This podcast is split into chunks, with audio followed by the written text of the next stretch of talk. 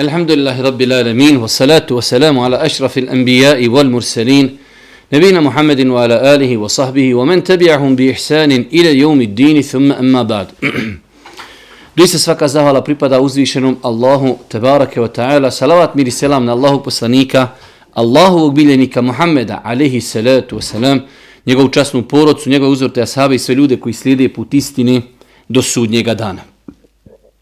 Uvažna braćo, poštovani sestre, uvaženi gledatelji, mi smo sinoć najavili da od večeras, ako Bog da, počinjemo sa novim predmetom.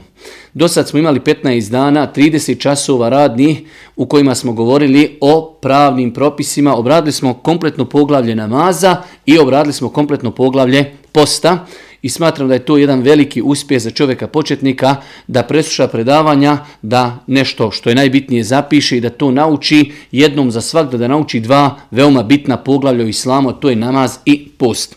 Večeras ako Bog da, počinjemo sa novim poglavljem, odnosno novim predmetom, a to je hadis, eh, hadisi Božije poslanika, alihi salatu wasalam. Mi smo odlučili, ako Bog da, eh, da eh, iz Buharinog sahiha, vjerodostojne zbirke hadisa, uzmemo jedno poglavlje, poglavlje etike i edeba koji ima, ne znam tačno, ali oko 250 hadisa i ako Bog da, to će nam biti e, hadisi koji ćemo inšala tretirati u ovom programu.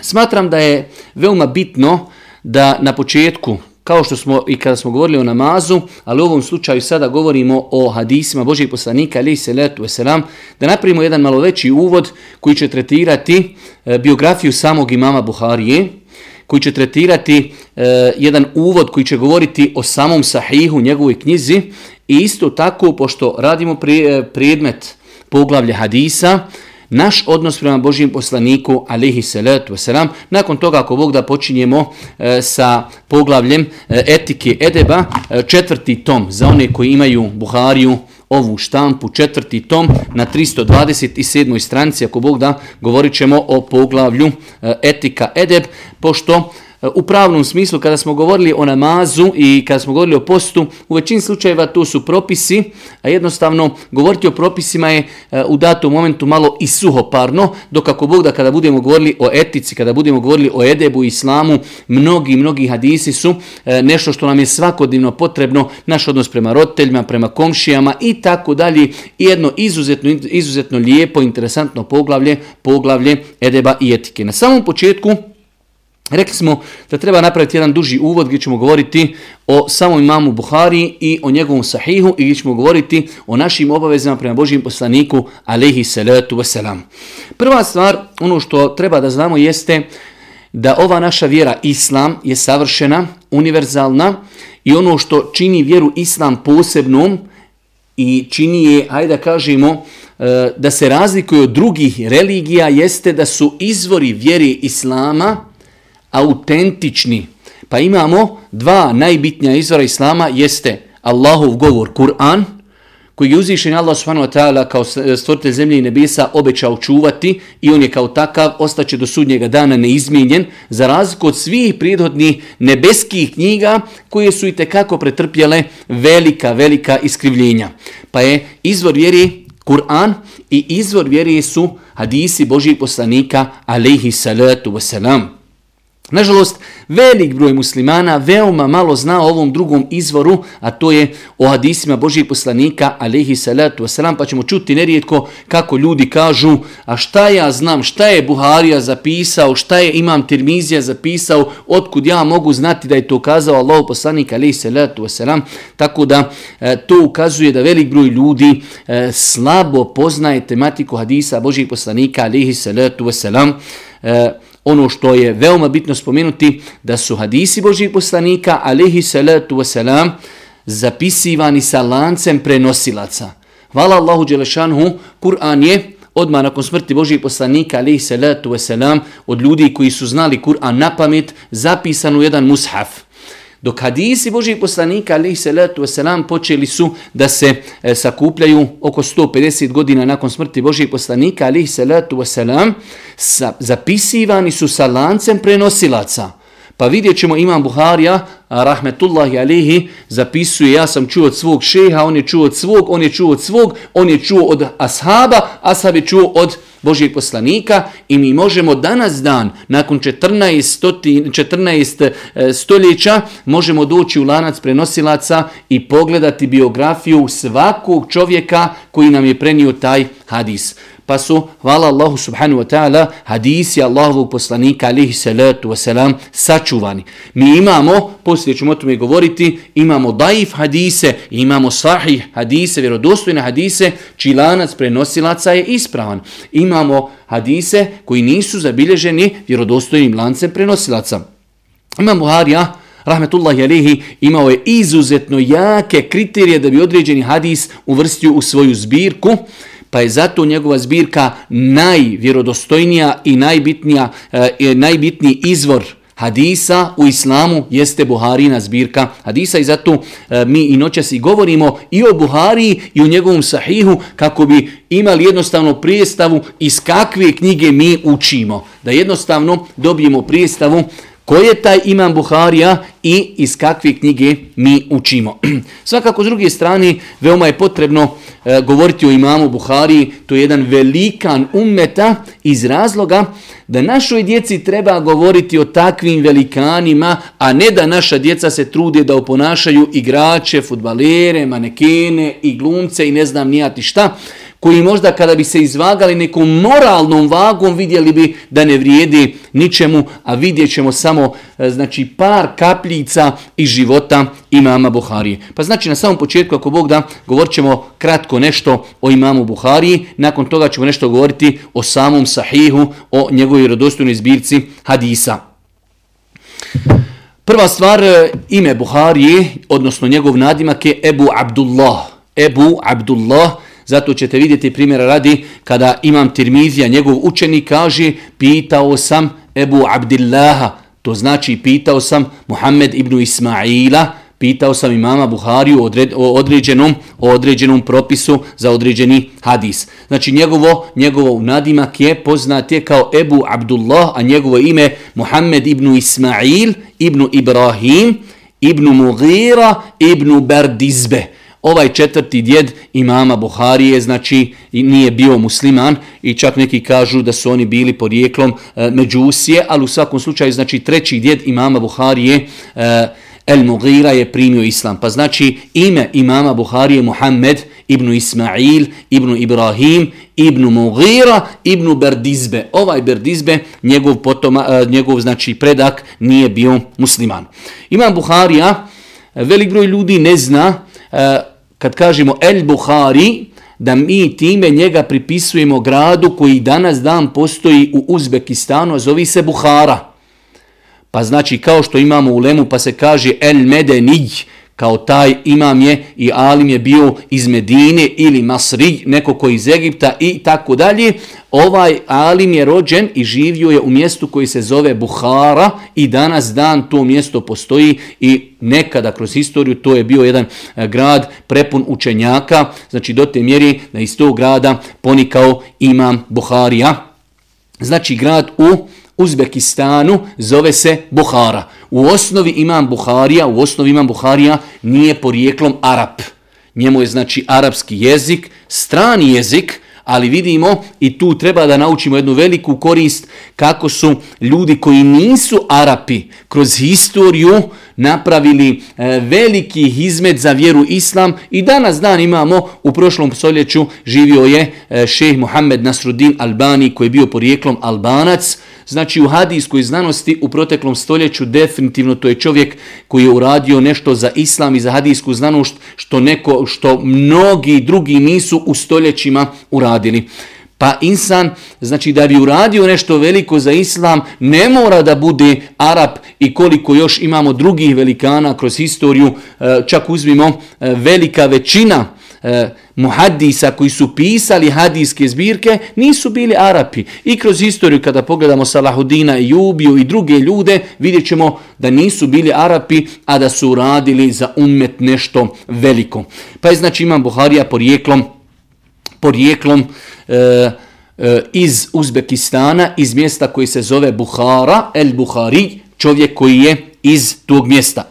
Imam Buharija rođen je 1194. E, godine po Hidži.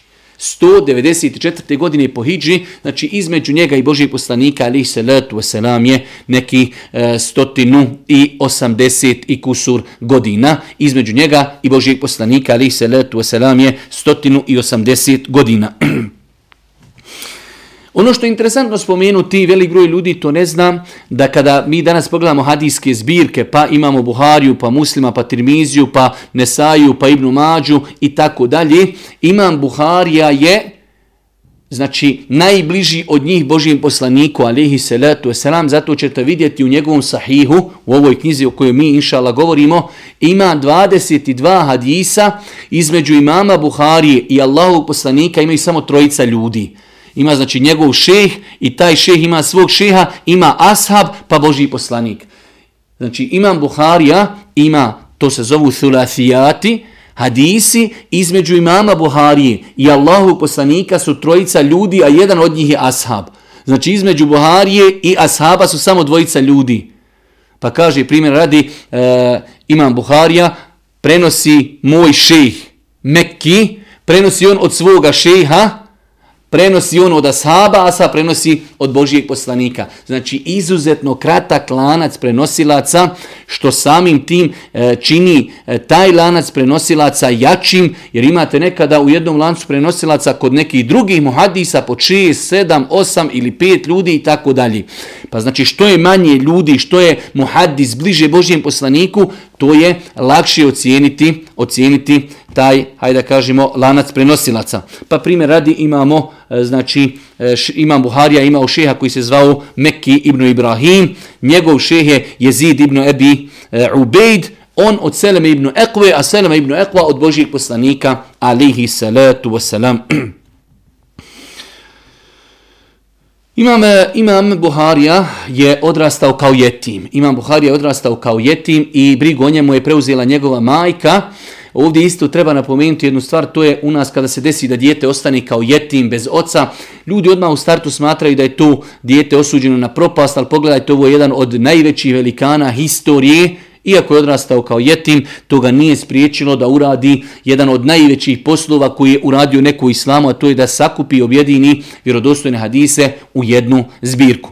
Pa znači imam Buharija je odrastao kao jetim, e, njegova majka je bila izuzetno pobožna žena, a njegov otac je isto tako bio izuzetno pobožan, njegov otac je ostavio veliko bogatstvo, majci imama Buharije, kojeg je imam Buharija potrošio tražeći e, hadis, putovajući po svijetu, poslije ćemo govoriti gdje je sve imam Buharija putovao.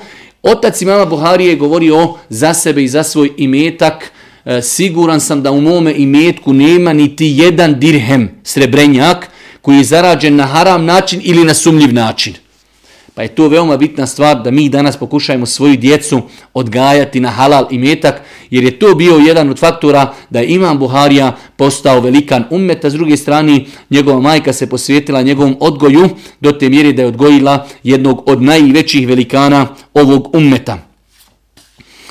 E, prenosi se u biografiji imama Buharije e, da kada imam Buharija bio dijete, malehno dijete, da je bio oslijepio. Da je bio oslijepio, Pa je njegova majka sanjala san u kojem je vidjela Ibrahima alihi salatu wasalam, poslanika, i on joj je kazao, ustani, probudi se, uzvišeni Allah je tvome sinu vratio vid zbog dvije stvari. Kaže, zbog mnoštva tvoje dove i zbog mnoštva tvojih suza i plakanja. Pa znači iz ovog događaja vidimo da je imamo mati, mama Buharije bila izuzetno pobožna žena E, koja je odgojila jednog takvog velikana, od rane mladosti usmjeravala i mama Buhariju e, u smjeru da je već od desete godine se dobro posvetio učenju hadisa Božijeg poslanika, ali salatu wasalam. Dobro ste čuli, od desete godine imam Buharija se već ozbiljno posvetio izučavanju hadijske znanosti, a u 16. godini sam za sebe kaže, već tada sam u 16. godini znao znao knjige Abdullah ibn Mubareka i knjige Waqi'e, jednog velikog učenjaka tog vremena, znao sam, kaže, njihove knjige već na pamet. Pa znači ono što je interesantno i danas, ako dijete ostane jetim, onda brigu o njemu treba da preuzme njegova majka i nikako to ne znači da je to dijete osuđeno na propast. Na kraju krajeva najveći jetim planete Muhammed alaihi salatu wasalam odrastao i bez oca i bez majke, ali je to definitivno najuspješnija ličnost historije. Jedan učenjak na arapskom jeziku je napisao knjigu e, Jetimi koji su promijenuli kretanje historije. Znači, e, imamo u historiji ljude koji su bili jetimi, ali toliko su bili utjecaj na historiju da su oni mijenjali tok historije. Tako da Imam Buharija je odrastao kao jetim, njegova majka je bila izuzetno pobožna, vidimo iz ovog događaja da Imam Buharija bio kao dijete oslijepio, ali da njegova majka je mnogo dovila, mnogo plakala, pa je usnu vidla Ibrahima alihi salatu wasalam koji je kazao ustani, probudi se, Allah je tvom djetetu vratio vid zbog mnoštva tvojih suza i mnoštva tvojih dova. Svakako, dobrota eh, roditelja u većini slučajeva ostavi traga, ostavi traga na dijete, pa smo vidjeli da je otac imama Buharije bio i pobožan i da je bio učen i da je ostavio veliki imetak koji je imam Buharija trošio na putu sticanja znanja. Rekli smo da imam Buharija od rani mladosti, od rani mladosti krenuo putem sticanja znanja do te mjere da je već od desete godine krenuo putem sticanja hadisa, a u 16. godini rekli smo da je već, već e, znao određene knjige na pamet iz, hajde da kažemo, od velikih, od velikih učenjaka tog vremena. nakon toga, nakon što imam e, El Buhari, Muhammed ibn Ismail, hajde da kažemo jednu ruku, u to vrijeme je takav bio sistem obrazovanja da ljudi su prvo učili u mjestu gdje žive. Pa kada je imam Buharija do 26. godine pokupio znanje koje je tada bilo u jednom velikom islamskom centru u mjestu Buhari, imam Buharija odlazi u 26. godini, ipak veoma relativno mlad, odlazi na put traženja znanja, odlazi sa svojom majkom i svojim bratom, odlazi u Medinu, odlazi na hađ i Imam Buharija ostaje, a oni se vraćaju u svoje rodno mjesto. Imam Buharija je na putu traženja znanja e, tada poznat islamski svijet, skoro cijeli islamski svijet obišao, pa primjer radi Imam Buharija je e, tražio znanje u Medini, tražio je znanje u Mekki, u Šamu, u Damasku, u Egiptu, tada i danas dan u poznatom gradu Neisaboru, u Basri, u Kufi, u Bagdadu, poznatom gradu u Asitu, u Mervu, u Reju, u Belhu i tako dalje. Znači imam Buharija je obišao, obišao cijeli tada poznati islamski svijet tražeći znanje. Zato imam Buharija o sebi kazao, zapisao sam hadise od 1080 učenjaka. I to je, braćo moja draga i cijene sestre, neminovnost. Insan koji hoće da stiče znanje mora biti spreman na žrtvu, mora biti spreman na putovanje, mora biti spreman na sabur, mora biti spreman da odvoji svoje vrijeme, da se odvoji od porodice i tako dalje. Nažalost, evo mi danas imamo vremena, e, odnosno živimo u vremenu, kada je ljudima teško uzeti mobitel i upaliti e, Facebook i live i da sluša predavanje i da uči svoju vjeru. Imam Buharija i mnogi drugi učenjaci na svojim nogama, pješice i na devama, obilazili su stotine hiljada kilometara islamski svijet u potrazi za znanjem. E, znači, postoje posebne knjige koje govori o tome šta su hadijski učenjaci podnijeli truda samo da, da bi okupili hadise Božijeg poslanika, jer Allah poslanik ali se letu selam kada je preselio, njegovi asabi su otišli da šire islam, pa je neko otišao na istok, neko je otišao na zapad, neko je otišao u Irak, neko u Kufu, neko u Basru, neko je otišao u Šam, neko je otišao u Egipat i tako dalje. Neko je otišao živjeti u Mekki, neko je ostao u Medini, ljudi su se razišli, a svako od njih je nosio dio hadisa Božijeg poslanika, alehi salatu wasalam, pa je to poslije trebalo sve objediniti. Ljudi su znali zbog jednog hadisa, zbog jedne riječi u hadisu proputovati stotine kilometara i hiljade kilometara samo da se utvrdi da li je ta riječ vjerodostojna ili taj izraz da li je vjerodostojan ili ne, a da ne govorimo o samo jednom hadisu. Pa imam Buharija, znači, proputovao zaista mnogo, proputovao zaista mnogo, znači u to vrijeme poznati cijeli islamski svijet je obišao u potrazi za znanjem. Rekli smo da živimo u vremenu kada se znanje nudi besplatno na YouTubeu, na Facebooku, predavanja, tribine, ali jednostavno malo je oni koji imaju želji, tijenja, ambicioznosti da izučavaju Allahu subhanahu wa ta'ala vjeru, a nakon toga da to znanje prenosi drugim ljudima, ali prvenstveno znanje kada se uči, traži se prvenstveno da bi se čovjek njime okoristio, da bi sebe odgojio i da bi živio po tom znanju. Mi nerijetko imamo osoba koji znaju, pročitao je mnogo knjiga i zna, ali ništa to ne praktikuje. Pa je to znanje dokaz protiv njega. Čovjek treba da uči znanje da bi po tom znanju živio. Jer teži je slučaj u islamu da čovjek ima znanje i ne živi po njemu nego ko ne zna. Čovjek ko ne zna ima opravdanje kod Allaha da ne zna. Ali insan koji zna nema više opravdanja pa se znanje traži ciljem da bi se po njemu živjelo. Imam Buharija iza sebe, iza sebe je ostavio veliki broj e, uticajnih učenika. On je generalno imao mnogo ljudi koji su od njega učili. Prenosi se u knjigama njegove biografije da kada je posjetio Bagdad, tada je Bagdad bio jedan veliki islamski centar znanja, civilizacija, Kod imama Buhari je znalo na predavanju prisustovati 20.000 ljudi, ljudi koji su slušali od njega znanje i zapisivali od njega vjerodostojnu zbirku hadisa.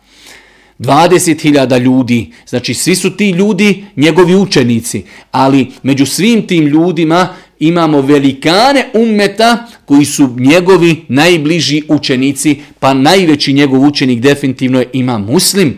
U jednom periodu Imam Buharija je prolazio kroz jedan težak period pred kraj svoga života kada su imama Buhariju napustili svi osim ima muslim koji se nikada nije odvojio od svoga šeha i koji je kazao svjedočim da na zemlji nema neko poput imama Buharije u pogledu e, njegove stručnosti i e, znači njegove specijalizacije u hadijskoj znanosti ima muslim, taj veliki učenjak, taj veliki hadijski ekspert kaže ja svjedočim da na zemaljskoj kugli nema niko poput moga šeha imama Buharije Muhammed ibn Ismaila.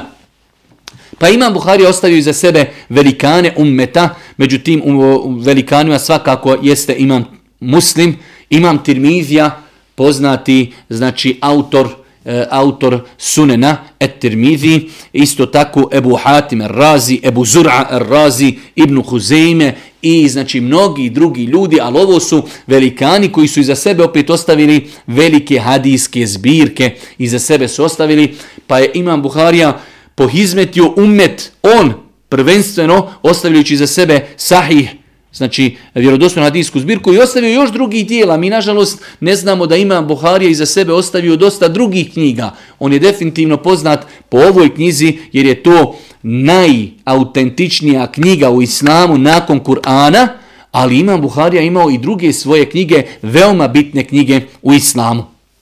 Pa je znači e, vrijednost imama, vrijednost imama Buharije, vrijednost imama Buharije je ta što je ostavio i zadužio ummet da im je sakupio znači e, najvjerodostojniju zbirku hadisa, i za sebe ostavio velik broj učenika. Zato kažu islamski učenjaci, vrijednost nekog alima se povećava onog momenta kada on iza sebe ostavi velike učenike. Takav je primjer, primjer radi sa imamom Ebu Hanifom, takav je primjer sa imamom, sa imamom Ibnu Tejmijom. Ibnu Tejmij iza sebe ostavio velikane ummeta. Svaki učenik imama Ibnu Tejmije je bio velikan Ibnu Al-Qajim, Ibnu Kathir, Ez-Zehebi i drugi učenjaci koji su jednostavno bili bile velike gromade ilma, a sve su to učenici Ibn Taymije, rahmetullahi alihi, pa je isti takav i primjer bio sa imamom Buharijom, ostavio za sebe velike učenike koji su nastavili raditi ono što je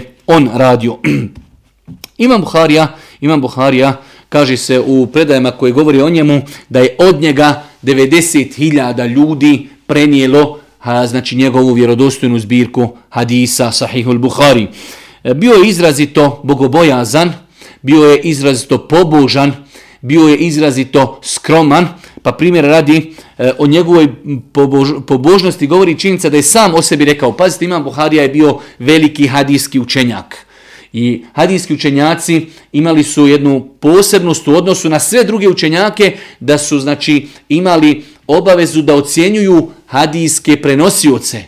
što je veoma, veoma težak posao da znači čovjek određenom prenosiocu kaže povjerljiv ili nije povjerljiv.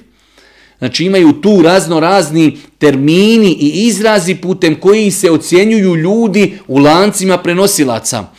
Pa čovjek mora biti izuzetno bogobojazan da ne bi nekoga ko nije, znači ne daj Bože, ko nije loš, da se o njemu ne rekne loše i obrnuto. Pa se to zove džerh wa ta'dil, ocjena hadijskih prenosilaca. Jedna opasna znanost, jedna opasna znanost, Imam Buharija je vrhunac u toj znanosti, ali bez obzira što je znači morao govoriti o hiljadama ljudi i ocjenjivati, on kaže ja se duboko nadam da ću doći na sudnji dan pred uzvišenog Allaha i da me neće pitati ni za jednog čovjeka da sam ga ogovorio. Znači toliko je bio precizan u svojim iznošenjima ocjena e, znači hadijskih prenosilaca da kaže ja se duboko nadam da me Allah neće pitati ni za koga da sam nekoga ogovorio. Toliko je znači bio bogobojazan i toliko je toliko je bio precizan u pogledu toga. Ono što krasi mama Buhariju jeste definitivno to što ga je uzvišen Allah subhanahu stvorio i počinio mu hadijsku znanost. Neki učenjaci su za njega kazali kaže kao da uzvišeni Allah imama Buhariju nije stvorio osim s jednim ciljem. Stvorio ga je za hadijsku znanost. Toliko se bio posvetio, sam o sebi je govorio, iako tako precizan učenjak, o sebi je govorio, znam, kaže, na pamet stotinu hiljada hadisa vjerodostojnih.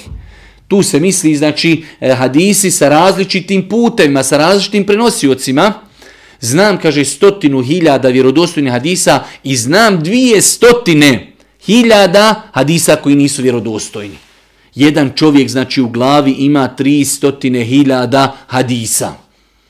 Znači, zaista jedno dunjalučko čudo kojeg je uzvišeni Allah stvorio i počinio, znači, baš da za ummet uradi jedan najveći izmet, a to je da objedini u jednu zbirku najvjerodostojnije hadise Allahu poslanika, alih salatu wasalam, i na taj način sačuva, hajde da kažemo jednu ruku, din i sačuva hadise Božijeg poslanika od zaborava. Jedne prilike što govori o jačini njegovog hivsa, e, znači zaista, zaista kada čovjek čita njegovu biografiju i kada vidi e, šta su učenjaci o njemu govorili i događa iz njegovog života, jednostavno tada svati da je to znači zaista čovjek kojeg je Allah stvorio da sačuva ovom ummetu hadise Božijeg poslanika, alihi salatu wasalam.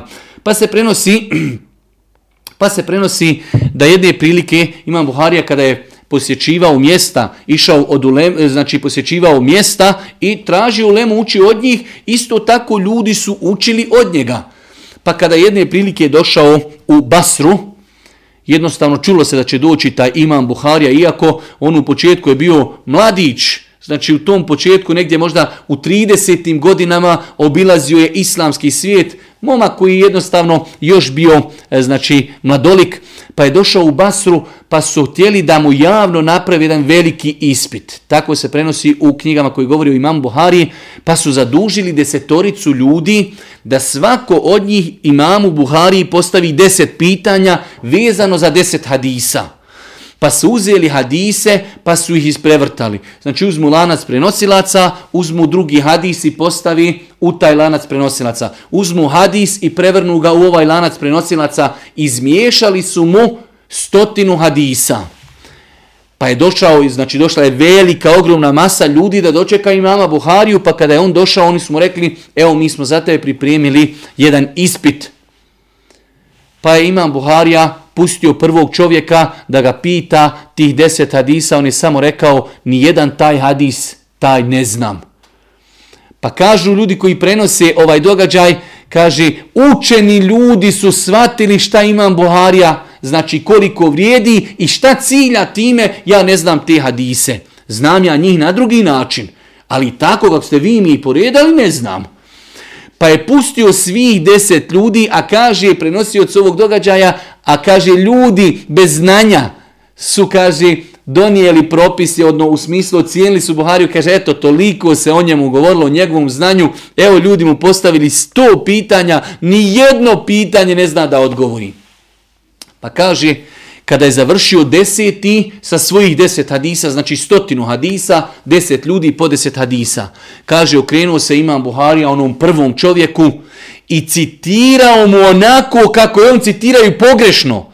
U istom momentu je zapamtio sto hadisa neispravno, pa mu je kazao onaj prvi hadis kojeg si citirao ovako, on nije takav, već je ovako. Pa je znači ponovio prvom čovjeku njegovih deset hadisa i neispravno i ispravno. Pa drugom njegovih deset hadisa i neispravno i ispravno dok nije došao do desetog pa su tada ljudi, kaže, posvjedočili imamu Buhari njegovo imamstvo u hadisu.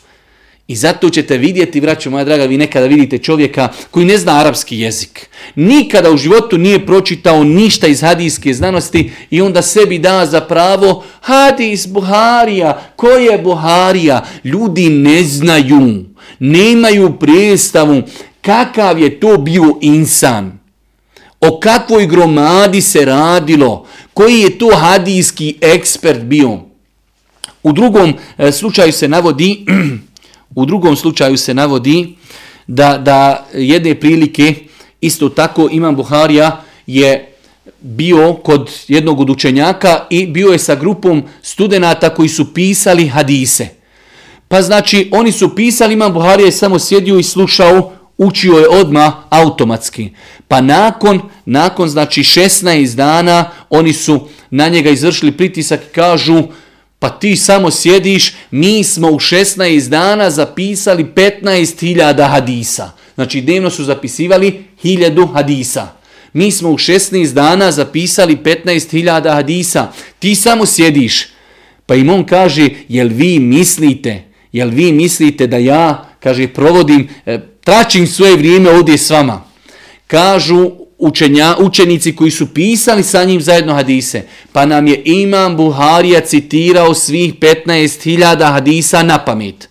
A mi smo, koji smo zapisivali i nismo stigli za šehom da to sve zapišemo, mi smo popravljali tamo ono gdje nismo uspjeli da zapišemo, kaže, citirao nam iz glavi 15.000 hadisa, koji smo mi zapisali u 16 dana. Pa im je onda imam Buharija kazao, zar vi mislite da ja imam toliko vremena na bacanje da sam sjedio s vama 16-15 dana onako da moje vrijeme prolazi bez ikakve koristi. Pa su se ljudi osvjedočili, kažu da mu niko nije bio ravan kada je u pitanju hadijska znanost i kada je u pitanju jačina njegovog memorisanja i jačina njegovog hifsa. Onaj događaj malo prije koji smo spomenuli sa deset ljudi, e, on je se desio u Bagdadu, a ovaj događaj pisanja, znači 15.000 hadisa, to se desilo u Basri. Onaj prijetodni događaj se desio u Bagdadu, u Bagdadu, a ovaj događaj se desio u Basri. Znači bila je greška moja da ono kada su mu postavili deset ljudi sa deset pitanja, to se desilo u Bagdadu, a ovaj događaj zapisivanja hadisa znači se desio u Basri.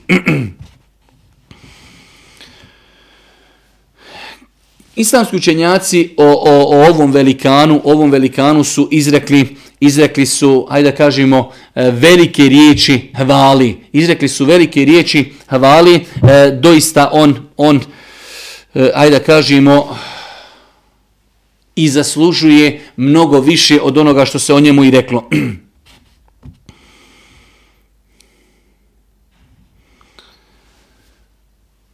Islamski učenjaci su čak toliko respektovali imama Buhariju da su o njemu samom kao ličnosti, bez njegovog sahiha, o njemu su islamski učenjaci napisali zasebna dijela govoreći o tom čovjeku gdje se rodio, kako je živio, o njegovoj inteligenciji, kako je tražio znanje i koliko je truda uložio da napiše svoje knjige, prvenstveno misleći na vjerodostojnu zbirku hadisa. Pa je bilo učenjaka koji su kazali hadis, kojeg ne poznaje imam Buharija, nije hadis. Mi, taj hadis ne može biti hadis. Jedne prilike, jedan učenjak je imao učenike, pa su došli jednog dana i kažu oni veseli. Kažu, pitali smo imama Buhariju za jedan hadis i on je rekao, ne znam taj hadis kaže taj šeh onda, ali se oni obradovali kao mi smo našli hadis kojeg ne zna Buharija, ali kad su došli svom šehu i ispričali mu to, on kaže njima, veli uzmite pravilo, hadis kojeg ne zna imam Buharija, nemoguće da je ispravan hadis. Znači koliko su ga ljudi respektovali, koliko je njegovo znanje bilo široko kada je u pitanju hadijska znanost, da su ljudi govorili za njega, ako ima hadis kojeg on ne zna, onda to nemoguće je da bude hadis. ima muslim je od njemu kazao, tebi kaže ne zavidi i tebe ne mrzi niko osim zavidnik. Tebe ne mrzi niko osim neko ko ti zavidi na tome što te uzvišeni Allah subhanahu wa ta'ala uzvisio na takve deređe i kazao je wa ashhadu ennehu lejse fit dunija mithlehu svjedočim kaže da nema na zemaljskoj kugli neko koji je sličan imamu Buhari to je kazao imam muslim a jedan učenjak Ibnu Sa'id kada bi spomenuli Buhari u njegovom pristom bi kaže rekao o njemu el kebšu natah To je, kaže, rogati ovan, ali nije želio da ga uvrijedi, već je govorio pozitivno, kao što rogat ovan pred njim ne može ništa ostati. On ga jednostavno, što bi rekao, digne na rogove i potjera ga, e tako imam Buharija, kaže, pred njim niko nije mogao ostati u hadijskoj znanosti. Čak veliki učenjaci su govorili, kaže, kada dođe imam Buharija sjediti u mom sjelu, ja se, kaže, neprestano tresem dok on ne odi. Kad on odi, onda mi bude lakši jer je teško pred njim govoriti, pred njim govoriti o hadijskoj znanosti. Znao je znači iz svoje memorije neko drži hudbu i pogriješi samo na jednom mjestu hadisu, on ozdol kaže taj hadis nije tako, već treba da bude ovako. Znači bio je zaista nadaren, nadaren, specifično samo i posebno u hadiskoj znanosti. Desilo je se imamu Buhari na kraju njegovog života, iako je znači ugledao, uh, uživao veliki ugled u cijelom islamskom svijetu, kada je pred kraj svog života vratio se ponovo u rodnu mjesto u Buharu, u tom mjestu e, eh, namjesnik tog mjesta zvao se Halid ibn Ahmed Ez-Zuhli.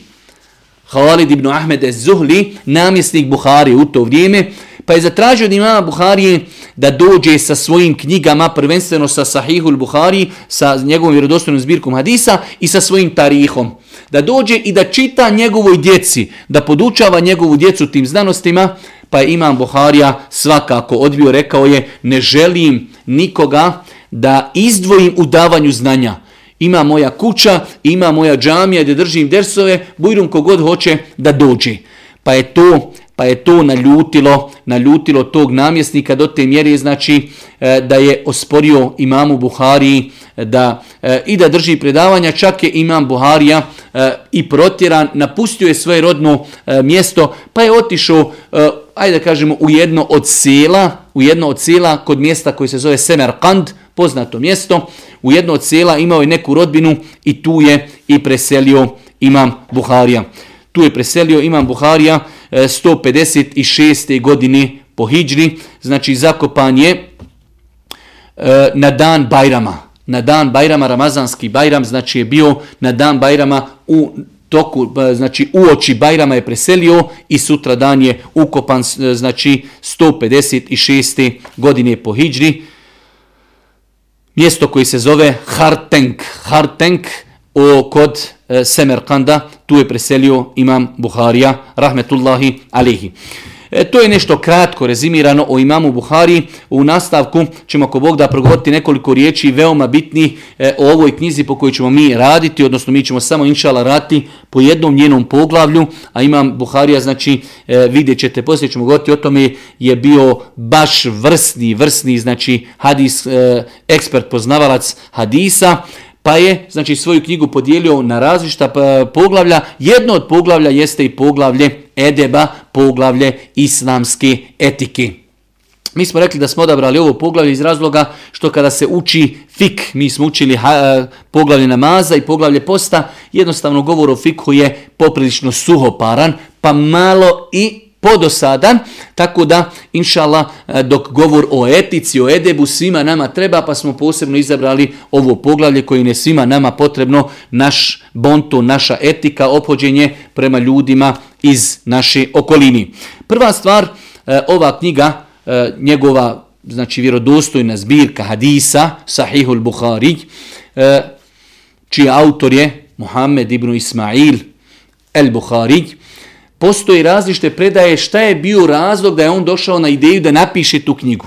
imaju dvije različite predaje. U jednoj stoji da Imam Buharija kazao, bili smo kod našeg šeha Ishaqa ibn Rahawaija, jedan veliki hadijski učenjak, i on je kazao, znači, u jednom sjelu, pošto je to bila omladina, bili su svi mladi, pa je kazao, kada bi neko od vas odlučio se na korak da umetu sastavi jednu vjerodostojnu zbirku hadisa, uradio bi veliki hajr, pa kaže Imam Buharija, te njegove riječi su našle put ka mome srcu, pa sam ja, kaže, odlučio da, da napišem i da sastavim tu veliku hadijsku zbirku. U drugom, e, u drugom e, razlogu se navodi da Imam Buhari jedne večeri sanjao Allahu poslanika, alihi salatu wasalam, sanjao ga je na način da Buharija stoji pored njega i da, znači, sa nekom lepezom otjerava muhe od Božijeg poslanika. Pa je otišao tumačima snova pa su mu kazali ti na taj način, e, znači to ukazuje taj san da ti na taj način odstranjuješ od Božijeg poslanika lažne hadise. Pa mu je to bio razlog da se, ajde da kažem, odlučio da napiše i da sakupi ovu vjerodostojnu zbirku hadisa. Imam Buharija potrošio je 16 godina svoga života pisajući ovu zbirku hadisa, znači veliki trud je uložen, E, 16 godina, ali pogledajte danas 1300 godina nakon njegove smrti mi u dalekoj Bosni sjedimo i pričamo imamo Buhari i pričamo o njegovom sahihu i koristimo hadise koje on sakupio. Znači 16 godina trajala je trajalo je pisanje ove knjige, odnosno objedinjavanje hadisa. Sam Imam Buharija kaže Nisam, vidjet ćete poslije, ćemo spomenuti, u, u ovoj knjizi ima preko 7000 hadisa. Znači imamo hadise koji se ponavljaju, imamo hadise koji se ne ponavljaju. Generalno sve od početka do kraja ima preko 7000 hadisa, a kada bi uzeli hadise, kada bi izbacili one koji se ponavljaju, ima preko 4000 hadisa u zbirci imama Buharije. On kaže, ni jedan hadis nisam upisao u svoju zbirku, a da prije toga U jednoj predaji se kaže nisam se okupao, a u jednoj kaže klanjao sam dva rekiata iz tihara namaza. Znači, evo uzmimo da je 4000 hadisa u Buharinoj zbirci, znači oni koji se ne ponavljaju, a generalno znači u zbirci imama Buhari ima preko 7000 hadisa, imam Buharija je klanjao minimalno 4000 puta, istiharu, za svaki, na, za svaki hadis, Imam Buharija kaže, za svaki hadis kojeg sam upisao i uvrstio u ovu zbirku u ovih 16 godina, klanjao sam dva rekiata zamolivši Allaha Đelešanu da mi podari da u ovu knjigu stavljam samo vjerodostojne hadise. Znači za svaki hadis, pogledajte, pored svoje kompetencije, pored znači toliko e, jake memorije i pored toga sa svaki hadis je molio Allaha, klanjao dva rekiata, da, da uzvišeni Allah mu podari da upiše samo vjerodostojne hadise i pogledajte bereketa i blagoslova u njegovom znanju da mi danas nakon 1300 godina sjedimo, čitamo Eh, Buharinu zbirku hadisa koja je hvala uzvišom Allahu te barak prevedena na mnoge svjetske jezike. Jedan od tih jezika jeste i bosanski jezik. Pa znači jedna ogromna knjiga, jedan ogroman trud, znači knjiga koja ima preko 7000 hadisa, a rekli smo imaju neki hadisi koji imam Buharija e, citira na više mjesta i to jest e, pokazatelj njegovog znanja da je određene hadise znao citirati na više mjesta u različitim poglavljima. E, ako bi uzeli hadise koji se ne ponavljaju, u knjizi imama Buharija ima preko 4000 hadisa. Jedna od odlika njegovog sahiha jeste i to da znači on određen hadis citira na više mjesta. Ima muslim, njegov opet sahih ima druge svoje odlike, ima muslim kada jednom citira hadis, više ga ne citira. Citira ga znači zbog njegove najveće koristi na jednom mjestu i više ga ne citira. Dok ima Buharija jedan hadis zna citirati na 5, 7 ili 10 mjesta različitih zbog mnoštva koristi koje hadis ima u sebi. Pa je to jedna velika odlika i znači Buharine zbirke hadisa.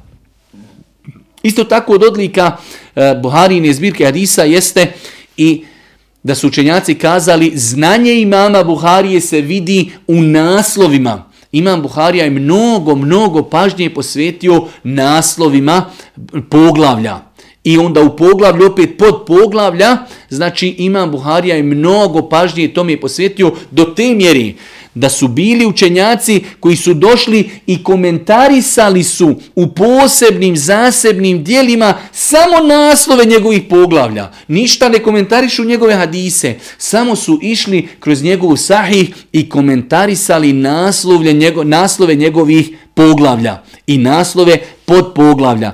Znači, e, kažu islamski učenjaci, fik, jačina znanja imama Buharije se ogleda u naslovima njegovih poglavlja i pod poglavlja. Tako da, znači, zaista, zaista jedna interesantna stvar. Velik broj ljudi kada čita e, e, zbirku hadisa, ne gleda na poglavlje, ide, znači, samo čita hadise, što je greška, pogotovo kada je u pitanju imam Buharija, znači, veoma bitno za one koji čitaju njegovu vjerodostojnu zbirku hadisa, da obrate pažnju, dobro da obrate pažnju na naslove, čak i učenjaci prilikom komentarisanja E, zbirke hadisa njegove vjerodostojni, U većini slučajeva uvijek na početku prvo prokomentarišu njegov naslov, njegov stav, jer je on iznosio svoje stavove putem naslova.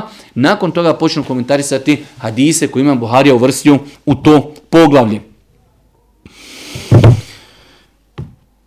Kada je u pitanju, hajde da kažemo, mjesto, mjesto i e, vjerodostojne zbirke hadisa Sahihul Buhari u islamu, znači nakon Kur'ana to je najvjerodostojnija knjiga koju je ljudska ruka napisala. Nažalost, živimo danas u vremenu kada putem interneta, ljudi koji jednostavno ne znaju skoro o sunnetu Božeg poslanika ništa, vidjet ćete kako ljudi čak kažu e, ne treba nam ništa od sunneta, nama samo treba Kur'an i tako dalje. U drugom predavanju ćemo ako Bog da govoriti o tome, znači e, zbirka imama Buhari je najvirodostojnija hadijska zbirka koju je ljudska ruka napisala. Imam Nevevi Rahmetullahi Alehi kaže i tefekal ulema, islamski učenjaci imaju zajednički stav da je najvjerodostojnija knjiga nakon Kur'ana, odnosno da su dvije najvjerodostojnije knjige Buharin i Muslimov Sahih, ali on kaže još jača i još vjerodostojnija knjiga je Buharin Sahih od samog muslima. Znači, to su dvije najvjerodostojnije knjige koje je ljudska ruka napisala, a sam Sahih imama Buharije je na većem stepenu od muslimove zbirke hadisa. Kaže imam Ibn Kathir, Eđme al ulema, islamski učenjaci imaju zajednički stav da ono što je u Buhariji da se prihvata i da je to vjerodostojno sve što se u njoj nalazi. Islamski učenjaci su posvetili mnogo, mnogo pažnji e, ovoj e, velikoj historijskoj knjigi, znači e, tako što su je mnogi komentarisali, mnogi su je učili na pamet, mnogi su je prenosili do te mjeri da su znači učenjaci e, pisali posebna, posebne komentare samo na naslove poglavlja.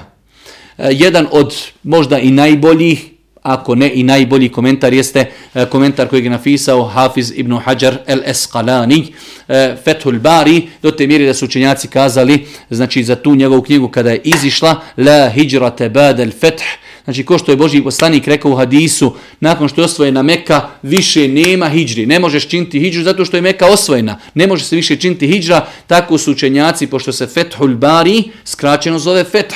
Pa su oni kazali, nakon što je Hafiz ibn Hajar napisao Fethul Bari, nema više potrebe niko da piše komentar na ovu knjigu i doista jedna mnogo, mnogo vrijedna knjiga. Ovdje se mi, braću moja draga i cijene sestre, zaustavljamo. U drugom, ako Bog da predavanju, počinjemo e, govoriti o našem odnosu prema Božijem poslaniku, jer su ipak ovo što ćemo raditi hadisi Božijeg poslanika, pa ako Bog da ako ostane vremena, počet ćemo večeras konkretno i sa nekim hadisima iz ovog poglavlja. Subhanike Allahumma da bihamdike, šedun la ilaha ilan stakfiruke, voje tubu ilaiku.